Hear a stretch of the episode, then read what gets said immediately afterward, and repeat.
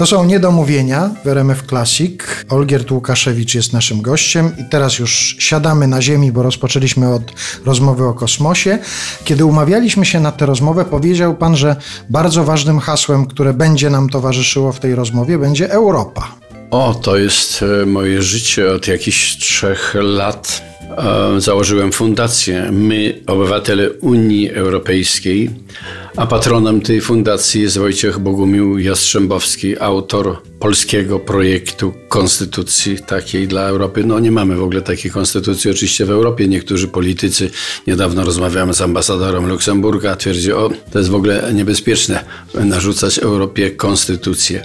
Ale ta konstytucja jest takim mm, romantycznym manifestem, testamentem, wyrażony językiem rówieśnika Adama Mickiewicza. Oczywiście pokój w Europie to jest ten najważniejszy punkt. Od tego zaczynał Schumann. Moim zadaniem, które sobie postawiłem już bardzo dawno, słałem szereg pism, e, żeby w formie teatralnej, bo to jest mój język, pokazać tego Jastrzębowskiego.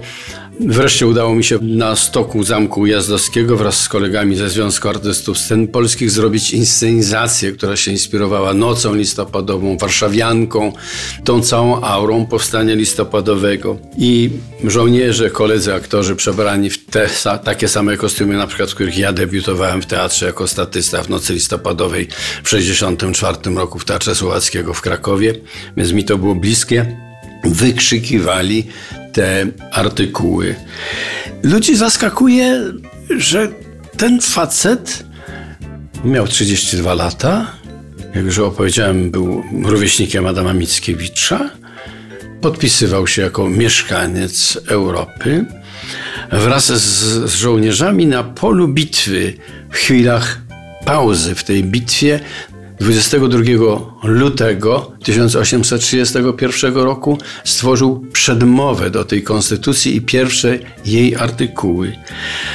Jest kilka wariantów tego tekstu. Na przykład dzisiaj można przytoczyć to, jeżeli narody chcą używać wiecznego szczęścia i pokoju, muszą się wyrzec swojej wolności i zostać niewolnikami praw. 30 kwietnia pisze, w obliczu Boga i prawa wszyscy ludzie są równi i że różnica religii i urodzenia nie będzie przeszkodą w zdobywaniu kolejnych urzędów.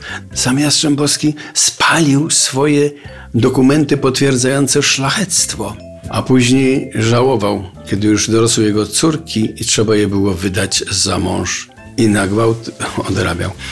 Więc o Jastrzębowskim można opowiadać wiele, nie tylko jako twórcy konstytucji, jako pierwszym klimatologu polskim, jako pierwszym, który wynalazł naukę o pracy, ergonomię, jako pierwszym botaniku 1500 nowych roślin u nas odkrył. Korespondował z Paryżem, korespondował z Londynem, stąd nie wyjeżdżając. To jest bohater Mazowsza. Chciałbym ogłosić wielkie czytanie Jastrzębowskiego i okaże się, że to był bardzo wartościowy dokument, oczywiście niszczony przez carską cenzurę i abyśmy mogli być dumni wobec Europy, że ta myśl o zjednoczonej, zintegrowanej Europie już dawno u nas się pojawiła i to tak ładny, skodyfikowany sposób.